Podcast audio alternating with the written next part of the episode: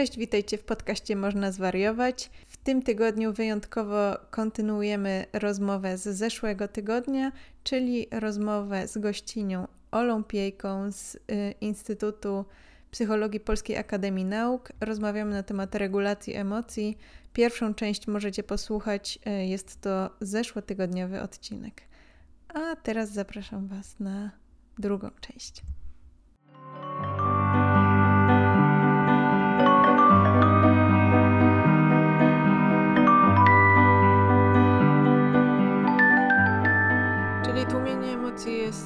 Negatywnym sposobem radzenia sobie z nimi, reinterpretacja jest raczej pozytywnym sposobem. I jakie jeszcze są sposoby? Ja mogę dopowiedzieć tutaj z perspektywy psychoterapii i posługując się świetnym podręcznikiem, który jest akurat skierowany dla praktyków, czyli dla, dla psychoterapeutów, e, autorstwa Roberta Lichiego, e, Denisa Tircha i Lisy Napolitano, jak pizza. Regulacja, jakby strategie regulacji emocji obejmują właśnie przede wszystkim restrukturyzację poznawczą, czyli takie mm, wypowiedzenie tego na głos albo wypowiedzenie tego w myślach w jakiś nowy sposób, e, ale również relaksację, e, aktywację behawioralną, e, wyznaczanie celów, modyfikację schematów emocjonalnych i naukę tolerowania emocji. Mm, czyli jakby mamy tutaj cały pełen wachlarz e, różnych strategii, które, które możemy, e, myślę, że i samodzielnie, i z pomocą właśnie różnych podręczników, poradników i czy psychoterapeuty zastosować. E, natomiast tak upraszczając to, bo, bo jakby tych czynników jest kilka, mi się wydaje, że pierwszą taką rzeczą, którą warto sobie zrobić, to nie wiem, zerknąć sobie na jakąś listę emocji, czy wydrukować sobie ją, czy w wielu książkach coś takiego znajdziemy. Mm, właśnie poczytać o tych emocjach i, i starać się je zauważać, tak? Czyli jeśli właśnie czujesz to wkurzenie, albo rozdrażnienie, albo właśnie jakiś stres, bo zbliża się jakieś ważne wydarzenie, to moim zdaniem pierwszą taką fajną techniką jest po prostu nazwanie tej emocji, czyli powiedzenie sobie, ok, teraz czuję lęk, albo czuję strach, albo czuję irytację. I to nazwanie emocji jest właśnie jedną z takich pierwszorzędnych e, strategii. E, I to już jakby samo w sobie może trochę odciążyć nas, e, bo nadaje jakby sens i znaczenie tego, co się dzieje właśnie z naszym ciałem, z naszymi, no z różnymi elementami naszego ciała, ale też nasz, co się dzieje w naszej głowie. I dla mnie jakby to brzmi banalnie, ale nawet dla mnie to było jakimś takim game changerem, jak, jak sobie tak kiedyś powiedziałam i, i starałam się jakby wokół tej, tej myśli tego to jest lęk, dajmy na to, e, właśnie przeprowadzić tą restrukturyzację, tak? Czyli trochę dojść do źródeł tej emocji, e, albo właśnie spojrzeć, co ją wywołuje, jak, czy to jest jakieś zdarzenie z przeszłości, czy z przyszłości, czy ta reakcja wyraża to, co dzieje się tu i teraz, czy właśnie jest jakąś projekcją, czy jakąś, e, jakimś wspomnieniem. E, I jakby dostosowanie wtedy e, jest dużo łatwiejsze. No ale wiadomo, to jak, myślę, że jak z wszystkim, to, to trochę wymaga praktyki i, i nie jest tak, że sięgniemy po jakąś strategię, po jakąś, nie wiem, złotą radę i, i nasza re regulacja emocjonalna będzie lepsza i od razu nasze życie będzie lepsze. Tylko jakby jest to coś, na co każdy z nas powinien poświęcić czas i, i, jakąś energię. Tak, zdecydowanie. Ja tutaj mogę od siebie y, tylko dopowiedzieć dodatkowo, że też bardzo jest myślę ważne, żeby pamiętać, że te techniki czy te rzeczy, o których mówimy i będziemy mówić, oczywiście mogą brzmieć bardzo proste, jak bardzo proste rzeczy, y, ale nie mogą one zadziałać, jeżeli nie włożymy w nie dużo pracy i jeżeli po prostu nie będziemy się w tym trenować. Ponieważ jeżeli całe życie żyjemy w pewnych schematach, właśnie wśród pewnych koncepcji emocjonalnych, tak jakby nazwała to Lisa Feldman-Barrett, e, w pewnych schematach aktywności fizjologicznej, jak po prostu reagujemy na rzeczywistość dookoła, to zmiana tego jest e, bardzo wysiłkowym procesem. Tutaj akurat można rzeczywiście użyć tego słowa kontrola, chociaż może ono nie jest najlepsze, ale pewnego, pewny wysiłek rzeczywiście musi być tutaj włożony, jeżeli chcemy zmienić to, jak funkcjonowaliśmy do tej pory. Ale jednocześnie jest to możliwe. Ym, tak jak pewnie dużo teraz osób słyszy bardzo dużo takich uzasadnień, czy właśnie nowinek neuronaukowych, które y, w taki właśnie empiryczny sposób y, dają podkład pod różnego rodzaju techniki, właśnie samorozwoju, czy, czy takiej nauki innego funkcjonowania w świecie, na przykład y, techniki uważności. Bardzo dużo mówiło się o tym, że techniki uważności zmieniają na przykład aktywność y, y, tak zwanej default mode network, czyli takiej sieci mózgowej, która odpowiada poniekąd za nasz koncept ja, za pamięć autobiograficzną. Warto pamiętać zawsze, kiedy słyszymy takie rzeczy, że każda realna zmiana w naszym przeżywaniu świata i rzeczywistości emocji siebie samych i innych wiąże się po prostu ze zmianą neuronalną. Nasz mózg jest odzwierciedleniem naszych doświadczeń. Y, I żeby ta zmiana mogła zajść, po prostu musimy tych doświadczeń mieć dosyć dużo. I możemy to zrobić, ponieważ nas, nasz mózg jest neuroplastyczny, czyli po prostu zdolny do zmiany przez całe nasze życie, chociaż oczywiście po okresie dzieciństwa czy później nastoletniości. Ta, ta zmienność nieco maleje, ale cały czas jesteśmy w stanie po prostu zmieniać się i rozwijać w sobie nowe kompetencje emocjonalne, nowe nawyki, tylko musimy w to włożyć po prostu dużo wysiłku, czy po prostu dużo konsekwencji, mhm. żeby te nawyki starać się kultywować. Tak, myślę, że też ta uważność jest tutaj podstawą i, i też w DBT, odwołując się po raz kolejny do, do naszego odcinka o dysregulacji, mm, dlatego, że no właśnie to pozwala nam na, to, na taki moment y, skupienia się na teraźniejszości i dostosowania tej reakcji do do tego, co w danym momencie się dzieje, nie? I, i też jakby autorzy tego podręcznika się na to powołują. E, to oczywiście możemy ćwiczyć przez taką praktykę medytacyjną, ale niekoniecznie, bo to może być po prostu właśnie takie przekierowywanie uwagi na tu i teraz, niezależnie co robimy, tak? Czy wykonujemy jakąś konkretną czynność, nie wiem, gotujemy, jemy, rozmawiamy z kimś, oglądamy film, ale właśnie możemy też to praktykować na zasadzie takiego check-inu ze sobą i zapytania się właśnie, co czuję, co robię, no i chyba też kolejną bardzo ważną rzeczą, e, takim, tak, taką podstawą, albo właściwie może bardziej celem niż podstawą, e, jest akceptacja e, tych stanów emocjonalnych i, i takie jakby przyznanie, że uprawomocnienie i akceptacja tego, co, co przeżywamy, tak? Czyli właśnie powiedzenie sobie, że mamy prawo do tych emocji, do, do przeżywania ich, do, do wyrażania ich, no i myślę, że w myśl asertywności, że jeśli nikogo nie ranimy, to, to też mamy prawo wyrażać te emocje względem innych osób. Tak, jak najbardziej. Ja myślę, że do tego, do tego zestawu technik, o których mówisz, dodałabym e, takich parę kategorii, które przewijają się w różnych y, badaniach naukowych, y, wątkach teoretycznych, z którymi miałam do czynienia. Można myśleć o takich strategiach, które możemy stosować y, odgórnie, czyli takich strategiach właśnie poznawczych, y, które wymagają właśnie tego treningu i wysiłku, o których mówiłyśmy, i w tym sensie właśnie reinterpretacja tego, co się dzieje, zmiana kontekstu, to byłyby przykłady takich technik.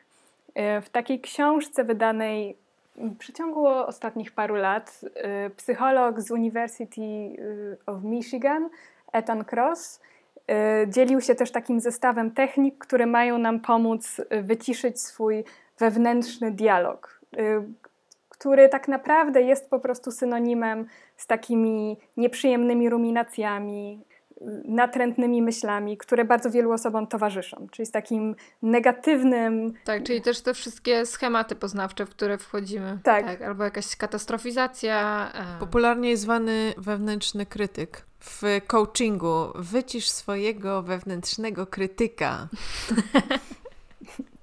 tak. Przy czym y, on nie proponuje, żeby go wyciszać, tylko żeby po prostu ten głos nieco przeformułować. I y, proponuje w tym celu cały taki zestaw technik, które przede wszystkim opierają się na stworzeniu pewnego rodzaju dystansu psychologicznego do naszej sytuacji, do siebie samego.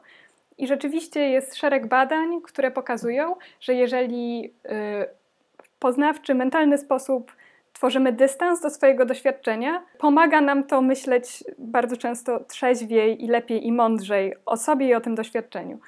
Y, I on na przykład opisuje tam taki sposób radzenia sobie z trudną sytuacją, mm, który polega na tym, że mówimy do siebie na ty, albo że myślimy o sobie z perspektywy siebie samego z przeszłości albo z perspektywy kogoś, kogo szanujemy. ważne jest, żeby w tej, właśnie w tym dystansie, w tej perspektywie był ten pierwiastek czułości i akceptacji, o którym ty, Ania, mówiłaś, bo inaczej jakby ten głos wciąż może oczywiście zyskać dystans, ale taki, który jeszcze bardziej umniejsza nasze doświadczenie. To też w terapii akceptacji i zaangażowania jest dużo takich technik właśnie pracy z myślami, na przykład defuzja poznawcza, gdzie na przykład powtarzamy jakieś słowo, często właśnie to, co ten wewnętrzny krytyk by powiedział.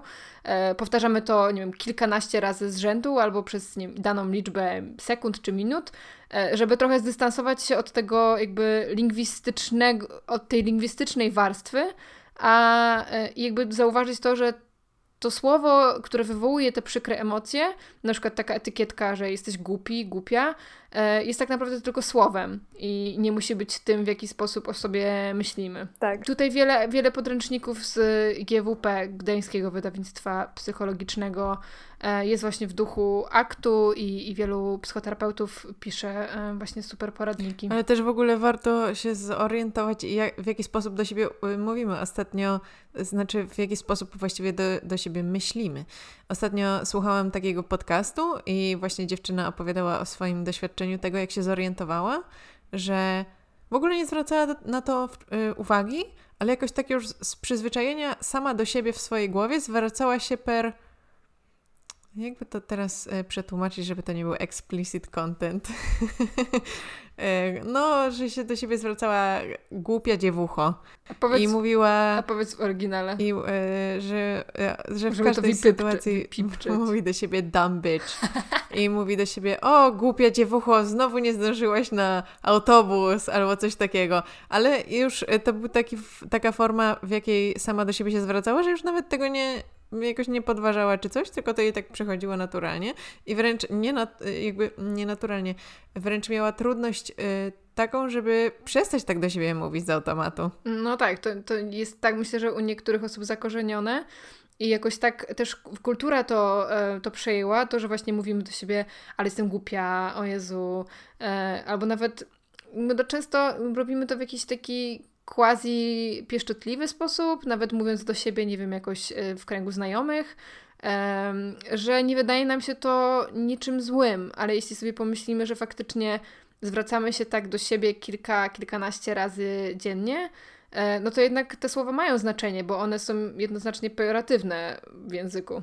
Tak, dokładnie. No i jeżeli po prostu na co dzień we własnej głowie spotykamy się cały czas z takim nieprzyjemnym bodźcem, z takim negatywnym monologiem, który nieustannie nam gdzieś brzęczy, no to też po prostu budzi w nas ciągłą reakcję stresową. To jest stresujący bodziec. To, co się dzieje w naszej głowie, w naszych myślach jest często dla naszego dobrostanu równie ważne, jak to, co się dzieje dookoła, jeżeli nie ważniejsze. To jest trochę to, o czym też mówimy, że to, w jaki sposób rozumiemy rzeczywistość, jak ją przetwarzamy, jakie mamy koncepcje na jej temat, tak naprawdę fundamentalnie stanowi o naszym doświadczeniu emocjonalnym bycia w jakiejś relacji z tą rzeczywistością.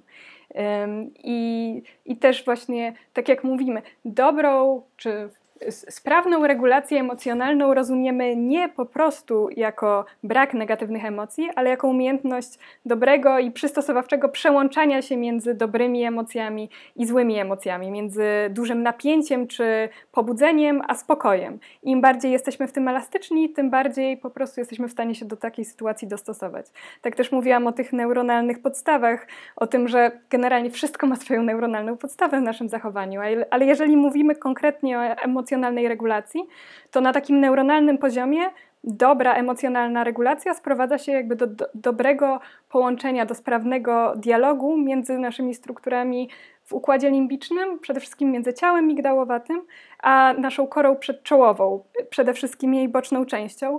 I nasza kora przedczołowa to jest taka struktura, która w dużej mierze łączy się z funkcjami wykonawczymi, y, z zdolnością do hamowania, do właśnie reinterpretacji na takim neuronalnym poziomie, a ciało migdałowate jest taką strukturą, która jest strukturą bardzo pobudzającą, która jakby wyłuskuje intensywność z otoczenia. To jest ten znany efekt też amygdala hijack, czyli porwanie, uprowadzenie ciała migdałowatego, który właśnie często opisuje się w złości, że to, mm, to ciało migdałowate jest wtedy jakoś tak zaangażowane, że, że często w złości przesłania nam się wszystko i jesteśmy w stanie powiedzieć to, czego normalnie byśmy nie powiedzieli komuś, albo właśnie zrobić coś impulsywnego, coś z dużą agresją.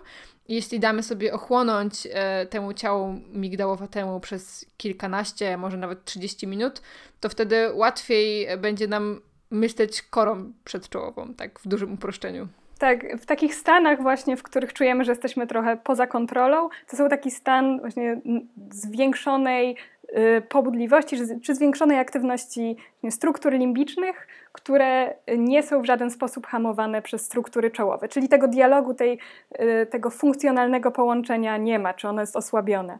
Y, I taka przegląd badań dotyczących właśnie emocjonalnej regulacji w różnych grupach klinicznych który ostatnio opublikowała Silverstan ze współpracownikami, właśnie pokazał, że ta nadaktywność ciała migdałowatego i jakby brak wystarczającej aktywności, przede wszystkim właśnie dialogu między tymi strukturami, brak wystarczającej aktywności struktur przedczołowych jest takim y, taką właśnie sygnaturą psychopatologii, która się rozpościera między różnymi diagnozami. Czyli, że różne zaburzenia dzielą ten sam taki wskaźnik neuronalny, czyli właśnie to osłabione połączenie między strukturami, które nas pobudzają y, i tymi, które właśnie mają zrewaluować to pobudzenie i oczywiście tutaj trochę antropomorfizujemy, ale jakby ocenić, czy ono jest adekwatne do sytuacji.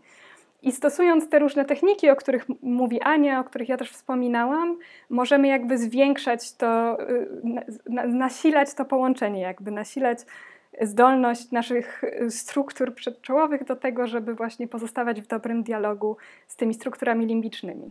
Poniekąd zhakować siebie. Tak, czy może właśnie rozmawiać ze sobą, oceniać, na ile warto się wzbudzić, a na ile nie, bo czasami warto. I to jest też y, jakby y, ważna informacja o dobrej emocjonalnej regulacji, że kiedy trzeba wejść w ten stan wzmożenia, czy stresu, czy nawet lęku, to powinniśmy być w stanie to zrobić, a kiedy ten stan zagrożenia dla naszego życia czy dla naszego dobrostanu się kończy, to powinniśmy móc gładko z niego wyjść. No tak, czyli taki przykład, jeśli coś faktycznie e, niebezpiecznego się dzieje, no to chcemy wtedy krzyczeć i nie wiem, ewentualnie bić się, jeśli trzeba, albo nie uciekać, nie? I jakby to jest dobra em reakcja emocjonalna, no bo osoba, która będzie po prostu ślęczała i która będzie dała się nie wiem, zbić na kwaśne jabłko, e, no to trochę też będzie bardziej poszkodowana, nie? Niż osoba, której reakcja emocjonalna jakiejś złości czy nawet agresji będzie bardziej wzbudzona. Nie tak, wiem, czy dokładnie. dobrze to rozumiem. Tak? Pewnym, tak, tak, jak najbardziej. Możemy o tym myśleć właśnie w taki sposób. Także na przykład w naszych badaniach nad samotnością y, osoby, u których eksperymentalnie, y, sztucznie wywołaliśmy poczucie osamotnienia, w momencie, w którym miały wykonać jakieś zadanie wymagające od nich zaangażowania, y, nie, nie zmieniły swojej zmienności rytmu zatokowego. To znaczy po prostu, że w pewnym sensie, y, tak jak my to opisaliśmy w dużym uproszczeniu, nie były w stanie fizjologicznie zaangażować się w wykonywanie tego zadania. A chcielibyśmy, żeby to tak było. Chociaż generalnie wyższy poziom zmienności rytmu zatokowego jest czymś, y, czego byśmy chcieli tak wyjściowo, bo on świadczy właśnie o lepszej adaptacyjności, to mówimy też o takim wskaźniku, o czym na przykład mówiła Muhtadi ze swoimi współpracownikami, które jest jakby zmiennością zmienności, że chcemy mieć dużą zmienność zmienności. Czasami chcemy mieć większą, a czasami mniejszą. Czyli coś, co nawet w samej literaturze czasami jest wskazywane jako y, wskaźnik czy symptom jakiegoś niedopasowania, konkretnym kontekście może być właśnie czymś, czego chcemy, czymś pożądanym. I właśnie dlatego też ciężko mówić o emocjach, które są y, jakoś y, same w sobie fundamentalnie szkodliwe. Chodzi po prostu o to, kiedy one się pojawiają i jak my je przeżywamy, w jaki sposób potrafimy y, się też do nich dostosować, jak o nich myślimy i co one robią z naszym życiem i z, naszym, z naszymi relacjami. A jak sztucznie wywoływaliście u kogoś poczucie osamotnienia? Mówiliśmy mu, że będzie sam do końca życia i że wywnioskowaliśmy to y, z jego testu osobowości. Za co później bardzo przepraszaliśmy i tłumaczyliśmy bardzo dokładnie, że tak nie jest i że tak nie może być. Ale dostaliśmy na te badanie. Odkłamanie. To było odkłamanie, bardzo y, rzetelnie i wnikliwie przeprowadzone.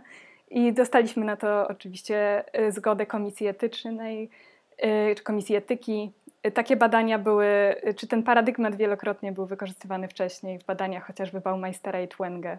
Więc nie byliśmy pierwsi. Wow. Ale po prostu katy. Ja wiem, że już długo bardzo rozmawiamy, ale mm, jeszcze bardzo chciałam Cię, Ola, zapytać, e, ponieważ ostatnio natknęłam się nawet e, w jakiś komentarzach na jakichś grupkach na Facebooku na, na, na takie bardzo krytyczne, e, ale też mało uargumentowane. W linku do, w opisie do tego odcinka e, znajdziecie link do grupy Można zwariować na Facebooku? E, lokowanie produktu. Sorry, to nie tam były te mało uargumentowane rzeczy, o których Ania powie teraz. Nie, nie, to, to, nie, była, to nie była ta grupa, ale jakaś grupa na zasadzie, no tam nie wiem, psychologiczne ciekawostki. Mm, była, były właśnie takie krytyczne głosy względem całego konceptu inteligencji emocjonalnej, ale właśnie y, bazujące na krytyce Golemana, przy czym te argumenty były takie trochę rozmydlone. E, I ja ostatnio czytałam tą książkę w całości ponownie od czasów studiów. E, no i fakt faktem, nie jest to jakby po prostu też najnowsza książka na temat emocji, więc ona nie jest jakaś groundbreaking i wiele z tych rzeczy, które czytałam, już gdzieś słyszałam, widziałam, czytałam.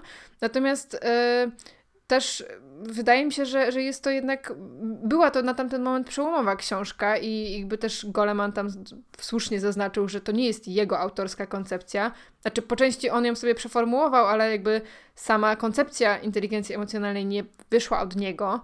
E, I chciałam Cię zapytać, jak, e, jak, ty, jak Ty o niej myślisz, bo... Mm, ja ze studiów pamiętam jakby tą koncepcję Myreya i Soloveya i też jakby pisałam na ich podstawie swoją pracę magisterską i prowadziłam badania i jakby są też narzędzia do mierzenia e, tej właściwości. I w zasadzie mam wrażenie, że tak jak dzisiaj sobie rozmawiałyśmy, no to rozmawiałyśmy o tych kompetencjach regulacji emocjonalnej, które jakby trochę się równają tej inteligencji emocjonalnej, że to jest po prostu jakiś, jakaś nazwa, jakiś konstrukt. I, i gdzieś ostatnio Zdziwiło mnie to, jak ludzie bardzo y, to negują wręcz. Tak, to y, tak naprawdę myślę, że powiedziałaś wszystko, co jest istotne. To znaczy, rzeczywiście koncepcja inteligencji emocjonalnej została stworzona przez y, Mayera i Seloveya i opublikowana po raz pierwszy w 1990 roku.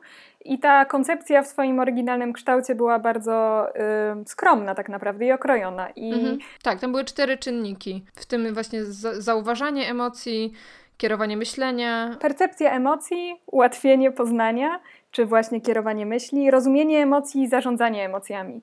E, ale w takim swoim trzonie też ta koncepcja po prostu dotyczyła jakby zdolności do rozpoznawania i odróżniania od siebie emocji e, i umiejętności jakby wykorzystania tej wiedzy w swoim codziennym życiu tak naprawdę była to taka też bardzo lingwistyczna koncepcja, która sprowadzała się do tego, jak ludzie, ile ludzie znają pojęć emocjonalnych i na ile dobrze właśnie gdzieś są w stanie się po tym poruszać, co w ogóle jest dosyć blisko tej, tej myśli Lisy Feldman-Barrett, o którym mówiłam. Z Goldmanem rozumiem, że był taki problem, że on wziął tę dosyć podstawową koncepcję i bardzo ją spopularyzował. I z popularyzacją koncepcji czy różnych konstruktów psychologicznych jest ten problem, że często jakby odrywasz się od bazy empirycznej i od takiego, y, takiej właśnie skromności y, epistemicznej, którą akademicy po prostu muszą jakoś zachowywać, żeby opublikowano ich badania, I rozrasta się to do poziomu jakiegoś dużego konstruktu, który przestaje mieć oparcie w realnych badaniach i w tym, co naprawdę wiemy i co można powiedzieć. No tak, bo tam jest jakby też w tej podstawowej książce jest ujęty dość duży przegląd badań takich dotychczasowych na temat emocji, które nie wiązały się stricte z tą koncepcją Mary'a, Meyera i Soloveya, ale po prostu gdzieś no, wpisywały się w temat emocji. Tak, y, on też, y, Goldman opierał się w dużej mierze na koncepcji trójjedynego mózgu, która już trochę odeszła do lamusa, czyli mm, podziału mózgu na mózg gadzi emocjonalny i ten właściwy wyższy. Y, już nie myślimy w ten sposób o układzie nerwowym raczej w ogóle, ale było tam po prostu du, jakby dużo brania z różnych koncepcji składania je w taką teorię, która była trochę teorią wyjaśniającą wszystko i samo też użycie po prostu określenia inteligencja, które od razu przywołuje nam na myśl y, iloraz inteligencji, czy, czy czynnik G, było nie do końca trafione, bo jakby nie możemy mówić o tym, że jest jakiś jeden składnik, y, który równałby się z inteligencją płynną, czyli tą inteligencją wrodzoną. A też jest dużo koncepcji, które pokazują, że ten konstrukt y, też który powstał na bazie pierwszej koncepcji Mayera i Saloveya, być może jest wyjaśniany po prostu przez wymiar sumienności osobowościowy albo inteligencję skrystalizowaną, czyli trochę inne czynniki, które tłumaczą to, co Goldman starał się po prostu wydystylować jako coś osobnego.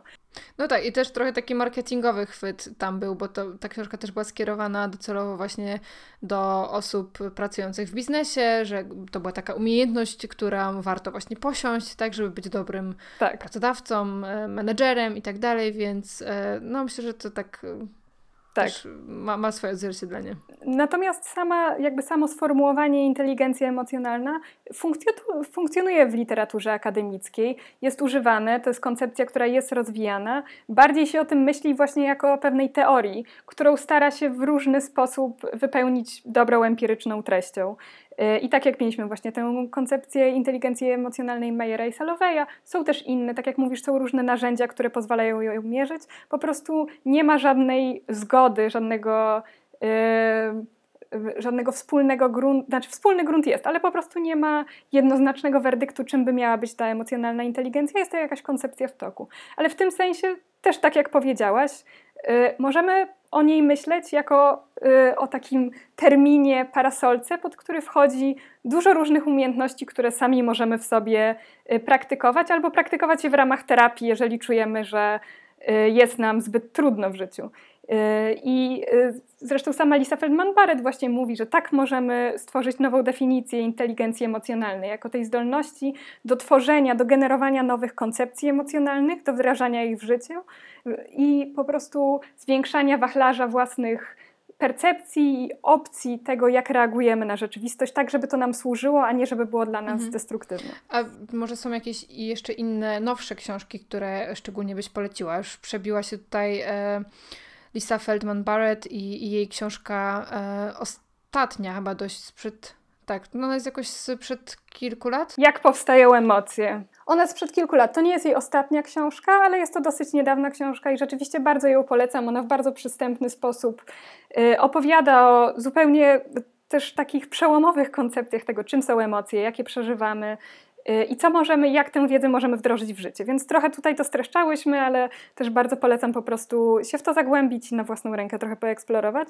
Drugą książką jest ta książka Tana Crossa, o której też wspominałam. Ona chyba nie jest jeszcze przetłumaczona na polski. Myślę, że to się może zmienić. Po angielsku nazywa się Chatter, czyli takie gadanie. I tam on też przedstawia cały wachlarz różnych narzędzi, które pozwalają nam po prostu trochę lepiej zarządzać tym wewnętrznym głosem i y, przekierować go w taką stronę, y, żeby nam służył. To są takie dwie książki, które przychodzą mi, takie też bardzo współczesne, y, oparte na dosyć solidnych dowodach naukowych, które na pewno mogę polecić. A może wy macie coś do polecenia? Może czytałyście ostatnio coś popularno-naukowego, co, co byłoby warte wspomnienia? Ja myślę, że mogłabym dopowiedzieć do tego, e, myślę, że ten Goleman jest, jest ciekawą lekturą, ale, ale właśnie mam wątpliwość co do jego e, właśnie takich niektórych e, też jakichś seksistowskich wstawek i, i takich bardzo stereotypowych kalk, które tam są powielane, ale jakby rozumiem, że to jest po prostu książka no, sprzed też 20 paru już chyba lat. Warto ją czytać z dużą dozą krytycyzmu, jeżeli no, no dokładnie, warto się skupić na na tej merytoryce, która się gdzieś tam nie zmieniła, bo oczywiście te wydania są też aktualizowane i tam mm, nie ma jakichś takich rzeczy, które by były totalnie sprzeczne e, z obecną nauką. Może bardziej są takimi kalkami albo uproszczeniami, e, ale do tego na pewno dopowiedziałabym takie, taką literaturę samopomocową, poradnikową, czyli właśnie e, wiele pozycji z, właśnie z GWP, takich jak w pułapce myśli, czy pułapki, emocjonalne pułapki przeszłości, e, czy właśnie wszystkie te aktowe, mm, uważne współczucie. Jest bardzo dużo tytułów i, i, są to naprawdę książki pisane przez specjalistów, gdzie macie też opisy, e, kim są ci ludzie, dlaczego oni napisali tą książkę i to jest też warto zwracać na to uwagę przy wyborze, e, ale też z wydawnictwa Uniwersytetu Jagiellońskiego, jakby kultowy e, Umysł ponad nastrojem, mm, książka właśnie taka typowo oparta na, na technikach CBT. Mm, ale też książka e, Terapia dialektyczno-behawioralna kilku autorów, których już teraz nie pamiętam, chyba McRoy. E, ta cieńsza, bo książka Linehan jest e, zdecydowanie grubsza i, i mniej chyba strawna. Z tego co wiem, to, to tłumaczenie jest nie do końca. Mm, nie do końca im tam chyba wyszło. E, ale tak, ta, ta cienka książeczka jest bardzo fajna i, i, i w tych książkach, o których wspomniałam, jest też bardzo dużo ćwiczeń, które właśnie można jakoś zastosować y, praktyczną część. Ja ostatnio czytam rzeczy o ekonomii głównie e, w kontekście nadchodzącej lub właściwie już e, bardzo prawie obecnej inflacji.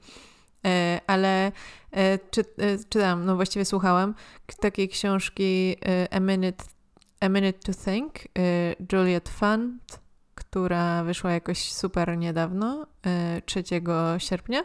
I, i ona porusza taki ciekawy, może nie akurat tak bezpośrednio w kontekście naszej rozmowy i regulacji emocji, ale to jest jakoś związane z mindfulness i takim konceptem white space, czyli dawania sobie takiej przestrzeni, przez to stajemy się dużo bardziej kreatywni, produktywni, raczej niż jakoś się tak popychając do robienia rzeczy. No więc to też fajna książka. Y, ja bym od siebie poleciła jeszcze pozycję, która nie jest bezpośrednio y, książką psychologiczną czy popularno-psychologiczną, popularno-naukową, ale która w tym temacie moim zdaniem świetnie pracuje y, i która po prostu jest pięknym doświadczeniem literackim. Y, to jest książka A Life of One's Own, napisana przez Marion Milner y, psychoanalityczkę. W, tym czasie, kiedy ją pisała, dopiero y, psychoanalityczkę to be, ale jest to zapis jej takiego osobistego eksperymentu, który trwał wiele lat, gdzie ona postanowiła jakby zgłębić funkcjonowanie swojego umysłu na własną rękę. I prowadziła przez długi czas dzienniki, gdzie bardzo dokładnie opisywała jakby fenomenologię swojego codziennego doświadczenia. Bardzo szczegółowo pisała o tym, jak się ma, co widzi, co czuje jest to bardzo piękna podróż przez doświadczenie też młodej kobiety, który, bardzo inteligentnej, niesamowicie refleksyjnej, która po prostu poznaje siebie w jakiejś takiej też pełnej akceptacji, w bardzo dużej takiej też chęci zrozumienia tego, co się z nią dzieje. Y, jest to zresztą bardzo cienka książka. To jest jakby opracowanie tych jej notatek, tak? Tak, to jest opracowanie jej notatek przez nią samą. Y, oczywiście z fragmentami tych notatek. Bardzo piękna książka, która też bardzo y, ładnie ilustruje taki, taką ciekawość samego siebie, która prowadzi do bardzo głębokiego wglądu i też do zmiany jakości życia. Y, bardzo polecam też jako literaturę nie tylko z perspektywy y, naukowca, który opisuje swoje badania na próbie 300 albo 150 osób, tylko takiego naukowca, który po prostu wnika w tkankę własnego umysłu. Bo jest też to, coś coś takiego, co po prostu każdy, jeżeli chce, może zrobić. I przez to też to jej doświadczenie staje się takie bardzo ludzkie i pełne czułości. Więc też z takiej lekcji czułości do siebie i do własnego doświadczenia bardzo polecam. I powiem też, że w ogóle bardzo polecam czytać literaturę i też oglądać filmy. To nie jest tylko moja rekomendacja, ale też rekomendacja już tu wielokrotnie wspominanej Lisy Feldman-Barrett która też i innych naukowców, których wyniki badań pokazują, że po prostu kontakt y, z doświadczeniem innych ludzi, też po prostu rozmowy z innymi, dzielenie się, y, oglądanie siebie przez pryzmat doświadczeń innych, co możemy przeżywać właśnie będąc w kontakcie ze sztuką czy literaturą, to też właśnie rozwija Y, naszą zdolność i do dystansowania się do własnego doświadczenia, i rozwija nasz słownik emocjonalny. I taki słownik po prostu, nasz leksykon, który też przekłada się na y, lepszą zdolność właśnie do widzenia tych emocji w większej rozdzielczości. Więc też po prostu kontakt ze sztuką i z innymi ludźmi jest czymś, co po prostu może nas bardzo rozwijać w tym temacie. I też mamy na to podstawy empiryczne, jeżeli też ktoś tego tak, potrzebuje. Cieszę się, że o tym wspomniałaś, bo, bo to jest w sumie coś, co i tak często robimy, ale samo to właśnie ta uważność i to przekierowanie, czy taka intencja, z jaką na przykład oglądamy jakiś film, czy czytamy książkę, jest w stanie dużo zmienić. I ja też na swoich warsztatach, e, które niedawno się odbyły, e, robiłam takie ćwiczenie, które już też no, kilkukrotnie e, robię i zawsze je powtarzam polega po prostu na tym, że, że oglądamy krótkie urywki y, z filmów y, w zwolnionym tempie, z wyciszonym audio i, i właśnie odczytujemy emocje z mimiki twarzy e, i staram, staramy się gdzieś odgadnąć, y, stawiamy sobie różne hipotezy, oczywiście tam nie ma jednej odpowiedzi, bo, bo każdy może mieć trochę inne właśnie wyobrażenie tej emocji, ale, ale właśnie też samo to w ogóle wybieranie tych tych filmów, tych urywków zrobiło mi taką zagwostkę, że, że po pierwsze, jakim trzeba być aktorem, żeby tak rzeczywiście zagrać emocje na, na po prostu w mimice i w, w, w mowie ciała, a po drugie właśnie jak super to może być ćwiczenie, żeby po prostu obejrzeć jakiś film e, i wczuwać się, czy spróbować sobie odgadywać te emocje mm, i przyglądać się temu. I, i to między innymi wybrałam taki film jak Historia Małżeńska, która jest też produkcją Netflixa, możecie obejrzeć. E, sprawa Kramerów, gdzie jest taka bardzo słynna scena, jak młoda Meryl Streep po prostu drga i skacze, z, ponieważ nie było to chyba w scenariuszu, a młody Daniel, Jezu, David Hoffman e, zbija kieliszek zaraz obok niej.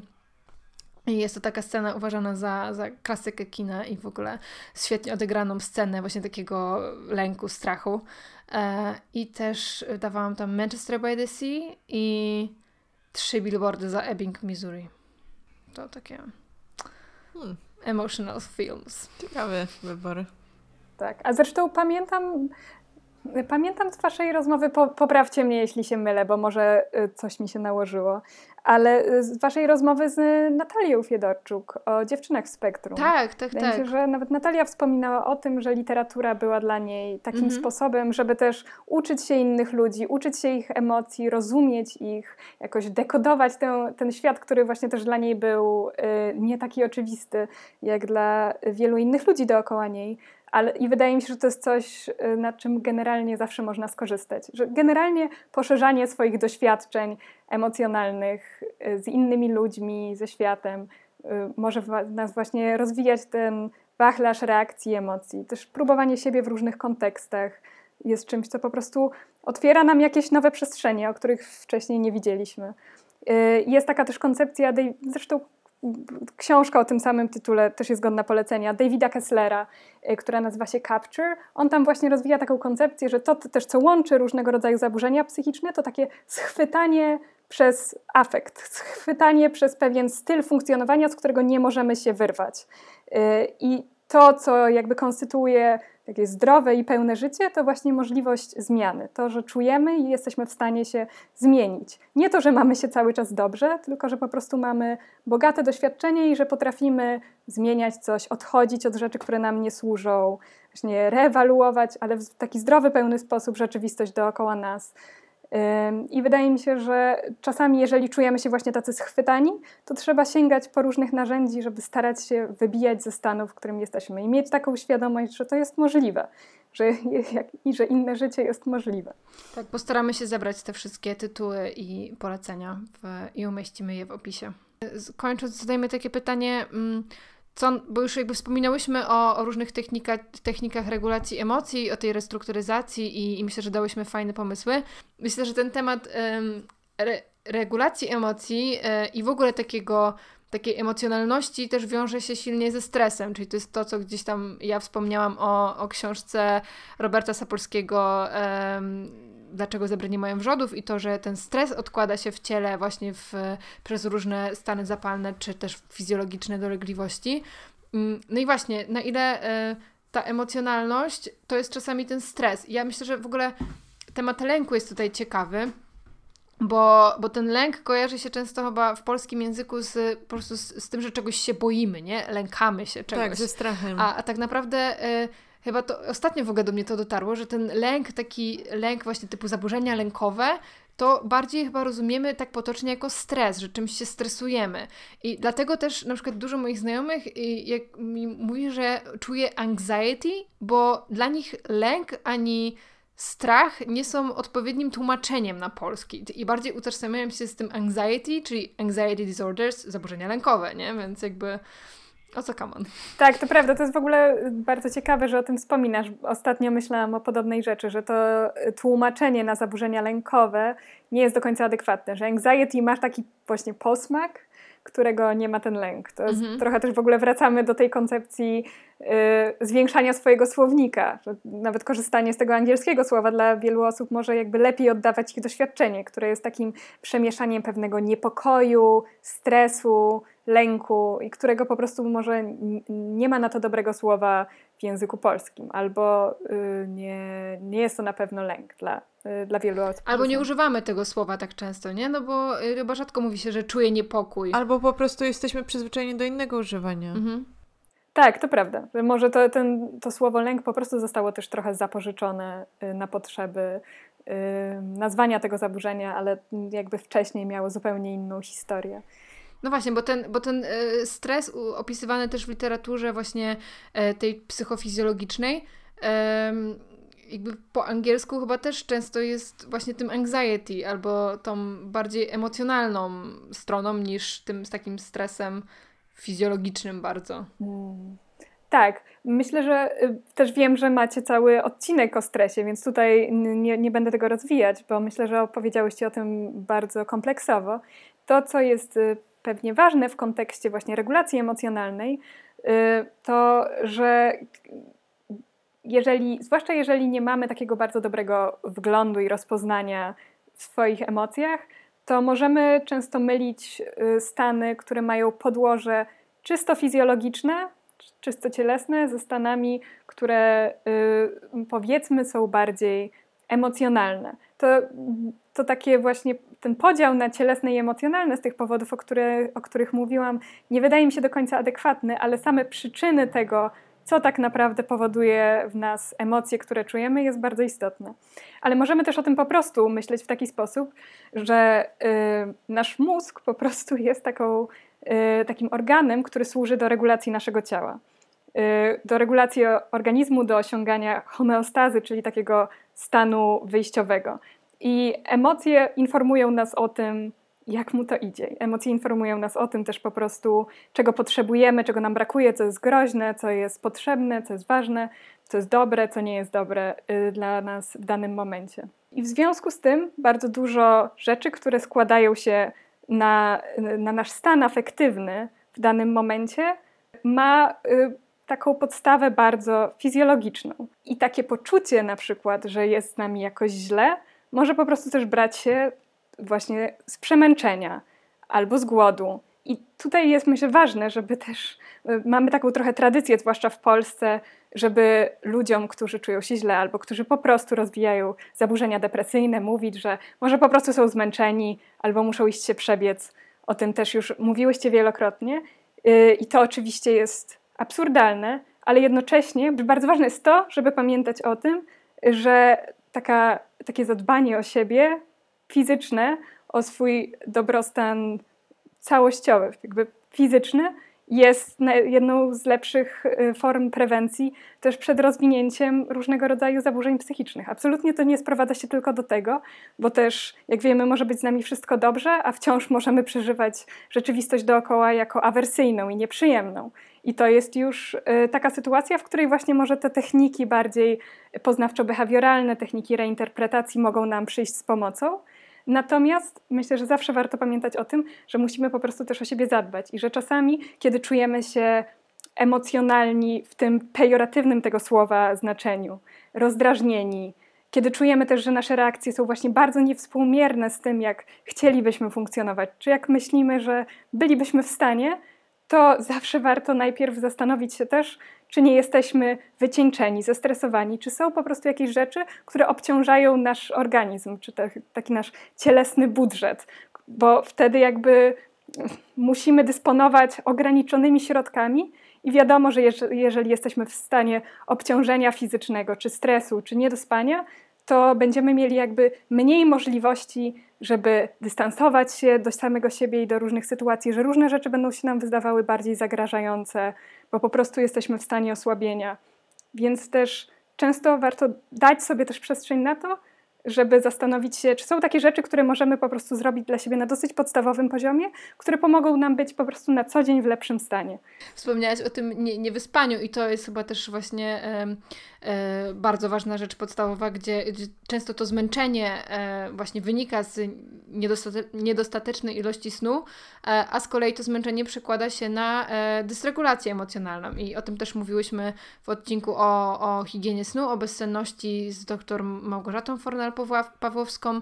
E, że, że właśnie objawem mm, niedospania, tak, deficytu snu jest e, drażliwość, e, właśnie niemożność jakby pohamowania pewnych reakcji emocjonalnych, ale też jedzenie, no bo chyba każdy z nas doświadczył uczucia, gdzie jesteśmy głodni i rozdrażnieni, czyli po raz kolejny w polskim języku brakuje słowa jakże cudownego hangry od hungry i angry. E, no nie wiem, mnie to jakoś tak bardzo często łapie i kiedy jestem głodna. Czyli faktycznie jakby no tyle tematów się łączy naraz, nie? Tak, dokładnie. Fun fact, w języku, z tego co czytałam, w języku chińskim i chyba koreańskim, albo koreańskim i chyba chińskim, zamiast jak się masz, funkcjonuje tylko jedno sformułowanie, czyli czy jadłeś dzisiaj, albo czy nie jesteś głodny, coś takiego, które e, funkcjonuje jako takie how are you, no nie? I to jest to samo, co, co pytanie, czy dziś jadłeś, i lub jadłaś. I jak o tym przeczytałam pierwszy raz, wiele lat temu, to uznałam, że to jest coś, co koniecznie zaaplikuję w mojej relacji, w której wtedy byłam, bo mieszkałam z chłopakiem. I uznałam, że kiedykolwiek będzie jakaś taka sytuacja, że ktoś z nas się na siebie nawzajem wkurzy, to będę od razu się zastanawiała, czy ta osoba nie jest głodna. E, w sensie zadam po prostu to pytanie.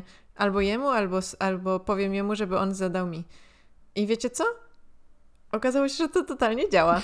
Że zazwyczaj, kiedy. Y, a nie, nie kłóciliśmy się jakoś dużo, prawie wcale, ale jakieś takie były, wiecie, no takie codzienne spiny, typu tyle razy ci mówiłam, miałeś od, odłożyć coś tam gdzieś tam. Y, I zazwyczaj to nie wynikało z tego, że to jest jakiś jest straszny problem, że to jest nieodłożone, tylko bardziej z tego, że akurat y, jeszcze nic nie jadłam i się i bardziej irytowały mnie rzeczy, które mnie nie, normalnie nie irytowały. Hmm. Więc w ogóle bardzo polecam to rozwiązanie. To się sprawdza. Tak, to mi się też wydaje. Bardzo dobra intuicja. To się sprawdziło u mnie z zeszłego wieczoru, więc totalnie to rozumiem. Słuchałam ostatnio rozmowy y, Ezry Kleina mm, z, jednego, y, z jednym z jego gości i w trakcie tej rozmowy pojawił się podobny temat. Y, I Ezra Klein w którymś momencie powiedział coś takiego, że kiedy y, że zdał sobie sprawę, że kiedy myślimy o dzieciach, bo w trakcie tej rozmowy był świeżo upieczonym ojcem, to właśnie takie myślenie, myślenie bardziej fizjologiczne o y, powodach y, dla różnych emocji, przychodzi nam bardzo naturalnie, że kiedy mhm. dziecko płacze, to po prostu zaczynamy się zastanawiać, czy jest głodne, o, czy jest zmęczone, czy czegoś, czy potrzebuje, żeby je przytulić. Myślimy właśnie o takich podstawowych powodach dla tego, dlaczego to dziecko w danym momencie sprawia nam dużo utrapienia swoim wrzaskiem. I że przestajemy tak myśleć o dorosłych ludziach, no bo oczywiście nasze wewnętrzne życie yy, i zakres bodźców, które powodują w nas różne nieprzyjemne stany się poszerza, ale może jakby warto to aplikować też do naszych znajomych i bliskich, a nawet ludzi, których nie znamy. Właśnie tak jak mówicie, zastanowić się najpierw, Y, czy ta osoba po prostu też nie jest przemęczona. I w ogóle wydaje mi się, że to jest, to jest też ważny temat, który wraca w kontekście zdrowia psychicznego y, i problemów klasowych. To znaczy rzeczywiście też osoby, które mają po prostu o wiele bardziej ograniczony dostęp do różnego rodzaju zasobów materialnych i społecznych, również, tak jak rozmawiałyśmy w naszej poprzedniej rozmowie, charakteryzują się często obniżoną zdolnością do regulacji własnych emocji. I, yy, I w dodatku też w ich przypadku ta regulacja emocji jest bardzo ważna i rzeczywiście też przekłada się na o, o, wiele bardziej przekłada się na dobrostan psychiczny niż w przypadku osób, które do tych, do tych różnych środków mają dostęp. Więc myślę, że też ważne o tym, żeby o tym pamiętać, jak bardzo też warunki materialne, w których żyjemy i też nasza możliwość, żeby się wyspać i możliwość, żeby mieć dobre jedzenie i możliwość, żeby uprawiać ten sport, kiedy potrzebujemy, też przekłada się po prostu na to, że możemy być trochę bardziej statycznymi, mądrymi ludźmi. I oczywiście nie jest to normatywne, no bo jest to jakaś kompetencja, która, którą wyrabiamy w trakcie życia, ale też właśnie, która przychodzi do nas z różnych stron i która w bardzo dużej mierze zależy też po prostu od stanu naszego organizmu i stanu naszego życia na co dzień. Więc myślę, że ważne o tym, żeby o tym pamiętać też, kiedy widzimy zachowania dookoła siebie, które uznajemy za nieodpowiednie czy właśnie emocjonalne. Popularny obrazek yy, krążący po internecie, czyli bądź miły, bo nigdy nie wiesz, przez co jakaś tam osoba przechodzi, czy, tak, czy jaka jest ich historia, czy coś takiego. E, ale ja też zauważyłam po sobie w ostatnim czasie, kiedy więcej się zaczęłam nad tym zastanawiać. W ogóle, no, jak sobie zaczęłam rozkminiać ludzi i ich zachowania więcej i więcej, to, e, to teraz też mnie nawet nic nie, nie irytuje, jak ludzie się zachowują. Bo zawsze sobie jakoś to właśnie przeformułowuję w głowie e, to ich zachowanie i zazwyczaj mi wychodzi, że coś, z czegoś to musi wynikać i wiecie, i że to jest po prostu jakby odreagowanie w jakimś miejscu, ale niekoniecznie to jest w ogóle związane ze mną. Mhm, dokładnie, no to jest taka analiza łańcuchowa, nie? Znaczy taka... Co też nie znaczy, że to jest spoko, nie? Odreagowywać na kimś, ale... Taka reakcja łańcuchowa, że że tak, że jakby ktoś jest dla ciebie niemiły niekoniecznie dlatego, że cię nie lubi albo e, nie wiem, zrobiłaś mu coś złego albo uważasz, że zasługujesz na to, tylko może właśnie jest e, niedospany, wkurzony e, przez kogoś innego, głodny, nie wiem, po prostu źle się czuje albo ktoś innego wkurzył. I, i myślę, że nawet taki, taki miły gest albo jakiś uśmiech, Jezu, to brzmi teraz tak banalnie to, co mówię, ale to jakby serio jest w stanie i nam, i tej drugiej osobie y, zrobić różnicę, nie? Jak po prostu będziemy dla siebie milsi albo neutralni chociażby. Tak, dokładnie. No i to jest też po prostu myślenie o tym w ten sposób samo w sobie jest techniką regulacji emocjonalnej. Nie tylko dlatego, że przeinterpretowujemy to, co się dzieje, czyli jakąś nieprzyjemną sytuację, która powstaje w kontakcie z drugą osobą, ale też dzięki temu, dzięki takiemu bardziej ludzkiemu podejściu do drugiego człowieka możemy budować lepsze więzi z innymi ludźmi. A tak jak już wiemy, i ja też to będę powtarzać do skutku, y, bez dobrych więzi z innymi ludźmi, takich, których my potrzebujemy, oczywiście w takim zakresie, ich, jakich potrzebujemy, bardzo ciężko nam po prostu funkcjonować. I dlatego ludzie, którzy są samotni, y, bardzo często też mierzą się z problemami y, związanymi z zaburzeniami psychicznymi, albo y, z różnego rodzaju właśnie różnymi rodzajami y, niedociągnięć w tej regulacji emocjonalnej, ponieważ jeżeli czujemy się samotni, to jest to deklaracja tego, że nie mamy dobrych więzi, w których właśnie możemy się odnaleźć, w których możemy też rozładować napięcie w dobry sposób. Tak, wspomniałaś o tym przytuleniu na przykład, nie? że to jest też e, taki ogromny sygnał bezpieczeństwa. Jeśli chcesz być z kimś fizycznie blisko, to znaczy, że ta osoba daje, jest jakimś zaufaną osobą i czujesz się przy niej bezpiecznie. Wszystkie problemy znikają. Dotyk ludzki też sam w sobie y, stanowi dobre narzędzie regulacji emocjonalnej. Są badania, które pokazują, że on bardzo się przekłada właśnie na wyciszenie negatywnego afektu czy tego niedobrego pobudzenia. Pomaga nam właśnie osadzić się w sobie jakby zwiększa naszą zdolność do regulacji stresu. Y, więc dotyk, oczywiście tylko dotyk, którego chcemy. Tak, o tym jest między innymi projekt Stay Touch, w którym miałam okazję pomagać, e, który jest takim projektem audiowizualnym, ale też napisałam tam jakieś podstawy mm, psychologiczne do niego, także polecam. To też jest w ogóle ciekawy temat, że mamy taką łatwość tłumaczenia siebie, sobie, siebie swoje zachowania jakimiś tam różnymi sytuacjami, które wywołały w nas emocje, a do innych osób podchodzimy w ogóle jakoś bez takiej refleksji bardzo często, tak. Że, że ktoś też może mieć y, trudny dzień, że w tym świecie to nie jest tak, że tylko ja mogę mieć trudny dzień, albo że, że za każdym stoi tak dużo.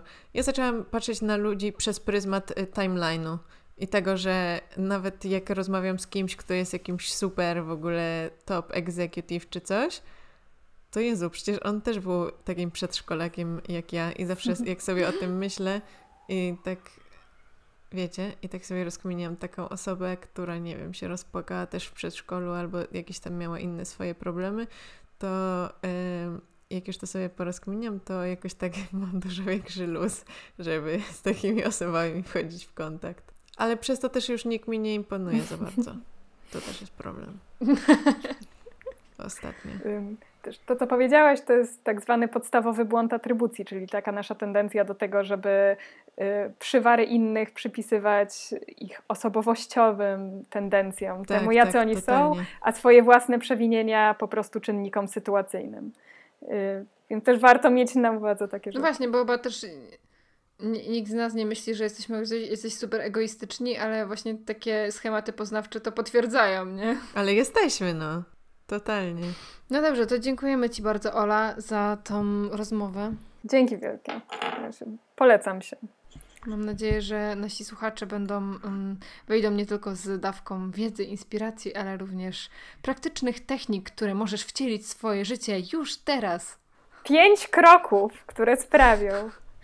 Odkrył trzy sekrety regulacji emocjonalnej. Psychiatrzy go nienawidzą.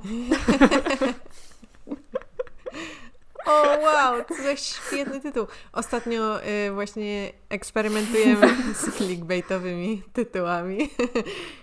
o, świetny pomysł. Y, jak będziecie chcieli i chciały dowiedzieć się jeszcze na jakieś tematy z takiej perspektywy właśnie stricte naukowej, którą Ola może nam dostarczyć, to piszcie. Możecie proponować jakieś hmm. też swoje pomysły.